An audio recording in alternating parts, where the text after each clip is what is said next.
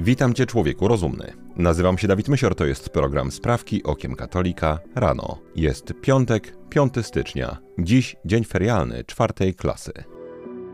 Wszystkie sprawy nasze prosimy Cię, Panie. Natchnieniem Twoim uprzedzaj, a pomocą wspieraj. Aby wszelka modlitwa i praca nasza od Ciebie się poczynała i przez Ciebie się kończyła. Przez Chrystusa, Pana naszego. Amen. Watykan. Podczas noworocznej homilii papież Franciszek zdecydował się zacytować słowa arcyheretyka Marcina Lutra. Papież rozpoczął od wezwania do poświęcenia się Maryi. Powiedział: Powierzmy nowy rok Matce Bożej, poświęćmy jej nasze życie. Ona z czułością będzie wiedziała, jak ukazać Jego pełnię. Ona bowiem prowadzi nas do Jezusa, a Jezus jest pełnią czasu, całego czasu, czasu każdego z nas. Bogu niech będą dzięki, że papież zachęca do powierzenia nowego roku Maryi, choć słowa te brzmią niestety przewrotnie w kontekście sąsiedztwa z cytatem Lutra, gdyż zaraz potem papież powiedział: To nie pełnia czasu spowodowała, iż syn Boży został posłany, lecz przeciwnie, posłanie syna spowodowało pełnię czasu. Słowa te pochodzą wprost z wykładu Marcina Lutra o liście do Galatów, pochodzącego z roku 1517. Papież Franciszek zakończył maryjnym wezwaniem. Niech ten rok będzie pełen macierzyńskiej czułości Maryi, świętej Bożej Rodzicielki. Za te słowa Bogu niech będą dzięki. W tej samej homilii papież cytował także papieża Pawła VI oraz drugi Sobór Watykański. Ukraina Arcybiskup Większy Światosław Szewczuk, zwierzchnik Ukraińskiej Cerkwi Grecko-Katolickiej, oświadczył, że watykańska deklaracja Fiducia Supplicans, zezwalająca na błogosławienie tzw. Tak par jednopłciowych, nie ma zastosowania w kościele grecko-katolickim.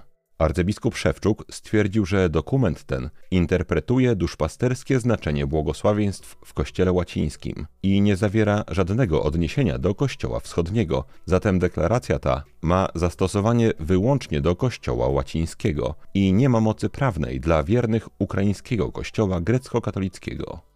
Przywódca ukraińskich unitów podkreślił również, że błogosławieństwa nie można oddzielić od nauczania Kościoła i nie można w żaden sposób zaprzeczać nauczaniu Kościoła katolickiego o rodzinie jako wiernym, nierozerwalnym i płodnym związku miłości między mężczyzną a kobietą.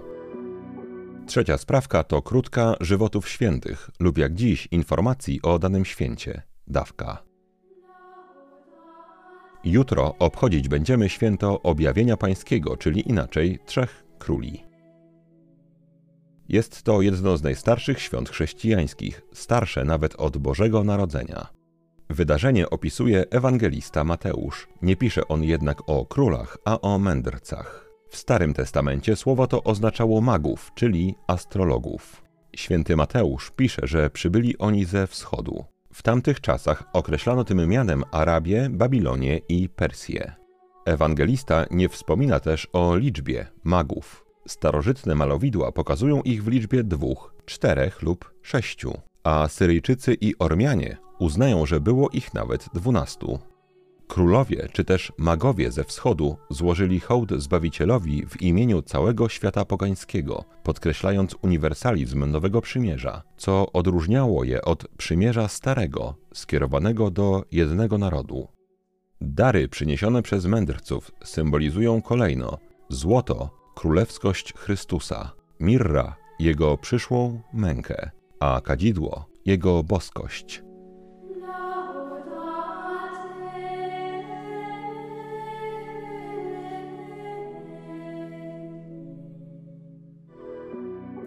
Stany Zjednoczone.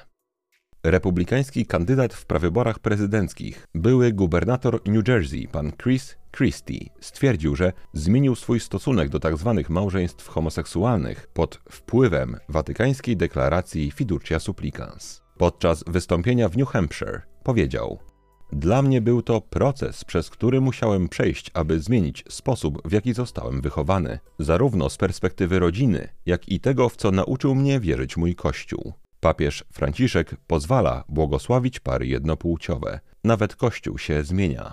Społeczeństwo się zmieniło i to, co ludzie akceptują obecnie, Różni się od tego, co akceptowali, kiedy dorastałem. Nie mam już nic przeciwko temu.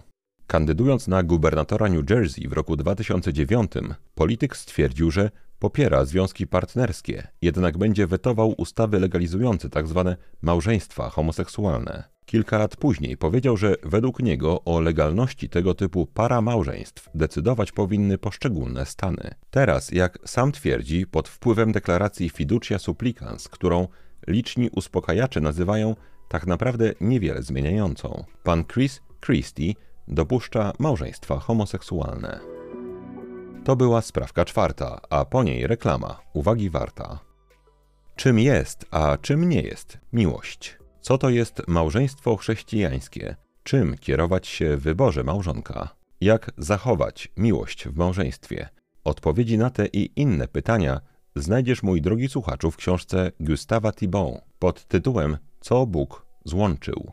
Pan Gustave Thibon to postać bardzo interesująca. Rolnik, który do końca życia uprawiał ziemię w rodzinnej wiosce. Ukończył tylko kilka klas szkoły podstawowej, ale jako samouk rozczytywał się w dziełach filozofów, poetów i świętych. Dla nich nauczył się siedmiu języków, w tym dwóch klasycznych. Napisał dwadzieścia książek. Największymi przewodnikami byli mu święty Tomasz z Akwinu w teologii i filozofii i święty Jan od Krzyża w mistyce. Był filozofem, pisarzem i poetą oraz tradycjonalistą, który aktywnie wspierał arcybiskupa Marcela Lefebvre w jego walce o ocalenie tradycji katolickiej. W książce Co Bóg złączył, pan Thibon pisze: Dramatem człowieka jest oddzielenie. Odciął się on od Boga przez bezbożność. Odciął się od swoich braci przez obojętność, nienawiść i wojnę. Odciął się wreszcie od swej własnej duszy przez pogoń za dobrami pozornymi i bez znaczenia. Ową grzeszną skłonność do dzielenia, jak powiada pan Thibon, człowiek objawia we wszystkim, co go dotyczy i otacza, również w sferze miłości. Gustave Thibon co Bóg złączył. Polecamy z całego serca. Link z możliwością zakupu tej książki będzie pierwszym linkiem w opisie tego filmu. Brazylia. Tuż przed świętami Bożego Narodzenia brazylijski Kongres Narodowy przegłosował ustawę zabraniającą finansowania aborcji i tzw. Tak zmiany płci u nieletnich z budżetu państwa. Poprawka do budżetu została zaproponowana przez deputowanego Eduardo Bolsonaro, syna byłego prezydenta Jaira Bolsonaro. 19 grudnia w Izbie Reprezentantów poparło ją 305 członków, a 141 było przeciw, zaś w Senacie przeszła większością 43 do 26 głosów. Według Eduardo Bolsonaro celem nowelizacji było zapobieganie atakom na rodzinę oraz spełnienie woli obywateli. Powiedział: nie możemy dopuścić do sytuacji, w której obywatele będą płacić podatki, a następnie sponsorować nielegalne przejmowanie ziem rdzennych mieszkańców, aborcję lub zmianę płci u dzieci. Nowe przepisy zawetuje jednak najprawdopodobniej lewicowy prezydent pan Lula da Silva, który na co wszystko wskazuje powoła się na argument, że przepisy te nie mieszczą się w kompetencjach ustawy budżetowej. Państwo położone w Palestynie Najbardziej, jak ją nazwał pewien rabin w polskich mediach, humanitarna armia świata, dokonała 13 grudnia masakry w szkole Shadia Abu Ghazala w Gazie, w której schroniły się wysiedlone rodziny. Po wycofaniu się wojsk tej armii ujawniono skalę jej zbrodni. Na filmach opublikowanych przez Al Jazeera widać piętrzące się ciała palestyńskich kobiet, dzieci i niemowląt, zastrzelonych przez najbardziej humanitarną armię świata. Ocaleni z masakry twierdzą, że doszło do celowej egzekucji na dzieciach. Jeden z ocalonych wspomina, że spał z żoną i szóstką dzieci, gdy żydowscy żołnierze nagle wtargnęli do szkoły. Powiedział: Weszli do klasy, w której się znajdowaliśmy i bez słowa zaczęli strzelać do obecnych. Nie pozwalali mi mówić, a za każdym razem, gdy próbowałem z nimi rozmawiać, uciszali mnie biciem. Wyrzucili też ze szkoły około 20 osób, rozebrali je i przesłuchiwali. Siódma sprawka to krótka katechizmu, dawka. Katechizm według sumy teologicznej świętego Tomasza z Akwinu. Część druga. Człowiek wyszedł od Boga i powinien wrócić do Boga. Rozdział pierwszy. Ujęcie ogólne powrotu człowieka do Boga. Kontynuacja punktu siódmego o poruszeniach afektywnych, które są w człowieku, a które nazywamy uczuciami. Czy poruszenia serca, czyli uczucia, nie są przypadkiem z zasady czymś zawsze złym? Nie, poruszenia serca, czyli uczucia, nie są z zasady czymś zawsze złym. Kiedy te poruszenia serca, czyli uczucia, są złe? Są one złe, gdy nie realizują porządku, który jest zamierzony przez prawy rozum. A kiedy nie wpisują się do porządku zamierzonego przez prawy rozum? Wtedy, gdy dążąc do dobra zmysłowego lub oddalając się od zła zmysłowego, albo uniemożliwiają osąd rozumu, albo też sprzeciwiają się temu osądowi rozumu czyli tylko w części odpowiadającej za zmysły, znajdują się te uczucia, czyli miłość i nienawiść, pożądanie i wstręt, radość i smutek, nadzieja i zniechęcenie, lęk i odwaga oraz gniew. Nie, te same poruszenia odnajdujemy także w sferze woli. Jaka jest różnica pomiędzy tymi poruszeniami w części zmysłowej oraz w sferze woli? Jest taka różnica, że w przypadku części zmysłowej uczucia wiążą się zawsze z udziałem organizmu ludzkiego, czyli ciała, podczas gdy w sferze woli są one czysto duchowe. Kiedy mówi się o poruszeniach serca, to o jakie poruszenia afektywne chodzi? Czy o te dotyczące zmysłów, czy też o te dotyczące woli? Chodzi w tym przypadku o poruszenia dotyczące części zmysłowej, jednakże w sensie przenośnym chodzi także o poruszenia woli. Kiedy mówi się o sercu człowieka, to czy może chodzić o te obydwa rodzaje poruszeń? Tak, kiedy mówi się o sercu człowieka, to może chodzić o te obydwa rodzaje poruszeń. A jeżeli mówi się o jakimś człowieku, że ma serce, to co przez to chce się powiedzieć? Jeżeli mówi się o jakimś człowieku, że ma serce, to chce się przez to powiedzieć albo to, że jest uczuciowy i delikatny. Wszystko jedno, o które uczucie w tym przypadku chodzi, czy należące do porządku zmysłów, czy też do porządku wyższego. Albo też czasami chodzi o to, że jest odważny i energiczny. Dlaczego mówi się czasami, że trzeba pilnować swojego serca i co należy przez to rozumieć? Słowa, że trzeba pilnować swojego serca, oznaczają, że trzeba uważać na pierwsze poruszenia afektywne, szczególnie na te, które należą do porządku zmysłów, a które skłaniają nas, byśmy poszukiwali tego, co nam się podoba i unikali tego, co nam się nie podoba. Mówi się także czasami o wychowaniu serca, co należy przez to rozumieć. Należy przez to rozumieć, że trzeba starać się, by mieć tylko te dobre poruszenia afektywne. Czy takie wychowanie serca jest rzeczą bardzo ważną? Takie właściwe wychowanie serca jest ukoronowaniem wszystkich wysiłków człowieka, zmierzających do osiągnięcia cnoty i do unikania wad. Punkt ósmy. Cnoty, które mogą i powinny być w człowieku zasadą jego dobrych czynów. Co należy rozumieć przez osiągnięcie cnoty? Od tego miejsca zaczniemy w poniedziałek.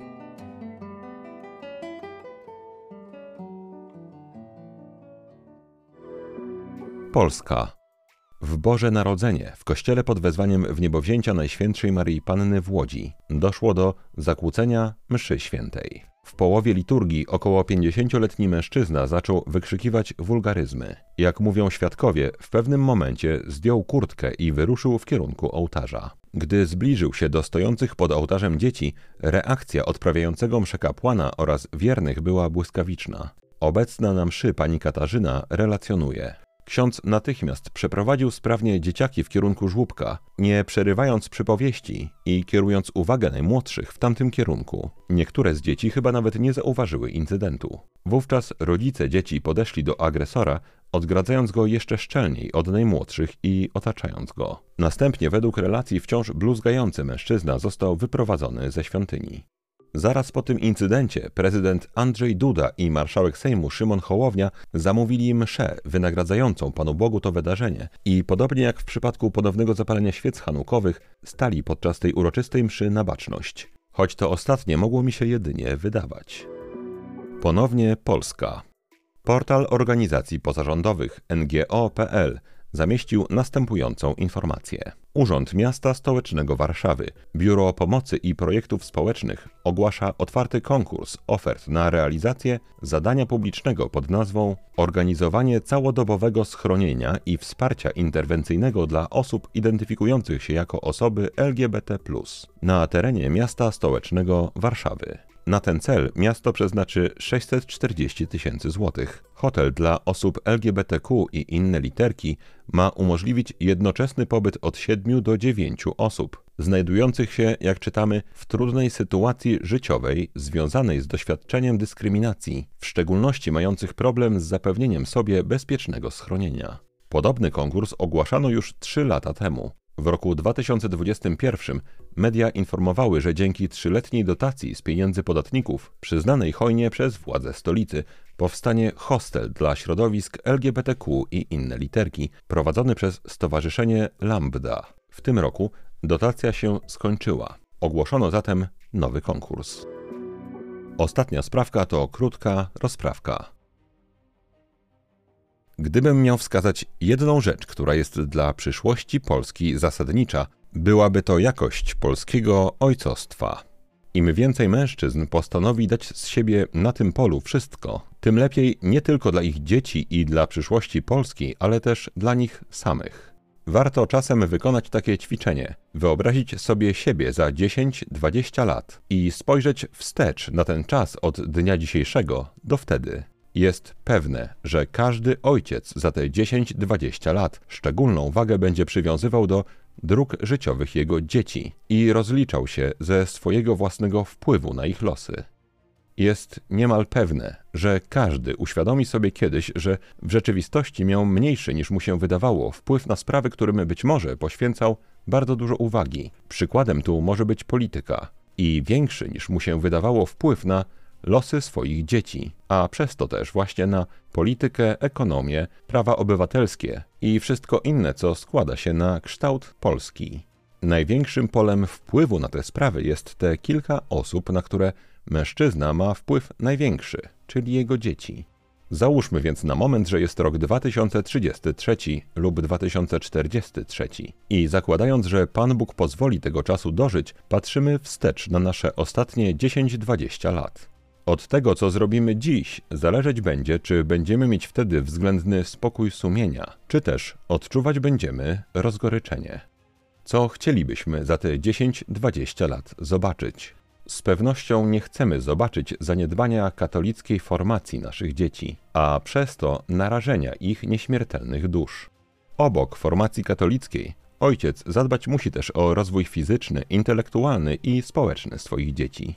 Ojcowie, którzy pozostają ze swoimi rodzinami i ofiarnie wyzbywają się swojego egoizmu, by aktywnie i zaangażowaniem spędzać czas ze swoimi dziećmi i żonami, będą pewnego dnia w stanie spojrzeć na miniony czas i ze spokojem podziękować Bogu, że dobrze wypełnili swoją rolę. A jak to robić? Przede wszystkim być oraz ciągle formować samego siebie Najlepszym, co ojciec może zrobić dla swoich dzieci i żony, jest własna formacja katolicka. Będzie ona niejako przepływać na nasze dzieci, które przede wszystkim przez po prostu bycie z nimi w codzienności, przez proste życie uczyć będziemy używania rozumu. Warto obrać jakiegoś patrona swojego ojcostwa, na przykład świętego Józefa lub świętego Jana Bosko, lub obu naraz, łącznie z innymi, i prosić ich o pomoc a potem po męsku, odważnie zmierzyć się z tym najważniejszym zadaniem swojego życia.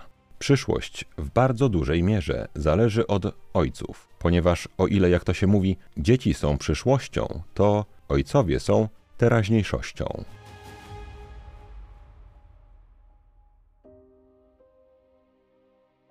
Maryjo, posłuż się mną dziś jak chcesz, wykorzystaj mnie jak chcesz, byle tylko choć jeden grzesznik zszedł z drogi zatracenia, poszedł do spowiedzi świętej i zwrócił się ku Panu Jezusowi. To na dzisiaj wszystkie sprawki okiem katolika rano. Jeżeli chcesz nam pomóc, daj proszę łapkę w górę pod tym filmem na YouTubie i napisz komentarz. Jeżeli chcesz wesprzeć zespół Sprawek Okiem Katolika regularnie na Patronite lub tutaj na YouTubie, albo jednorazowo przez wpłatę najmniejszej chociaż kwoty, to szczegóły jak można to zrobić znajdują się w opisie tego odcinka. Wszystkim bardzo dziękuję. Mój drogi słuchaczu, życzę Ci błogosławionego dnia i weekendu. Święci Kacprze, Melchiorze i Baltazarze, módlcie się za nami. Człowieku rozumny, trzymaj się, nie łam się i bardzo Ci dziękuję za Twój czas. Mam nadzieję, że do usłyszenia w poniedziałek rano. Zostań z Panem Bogiem.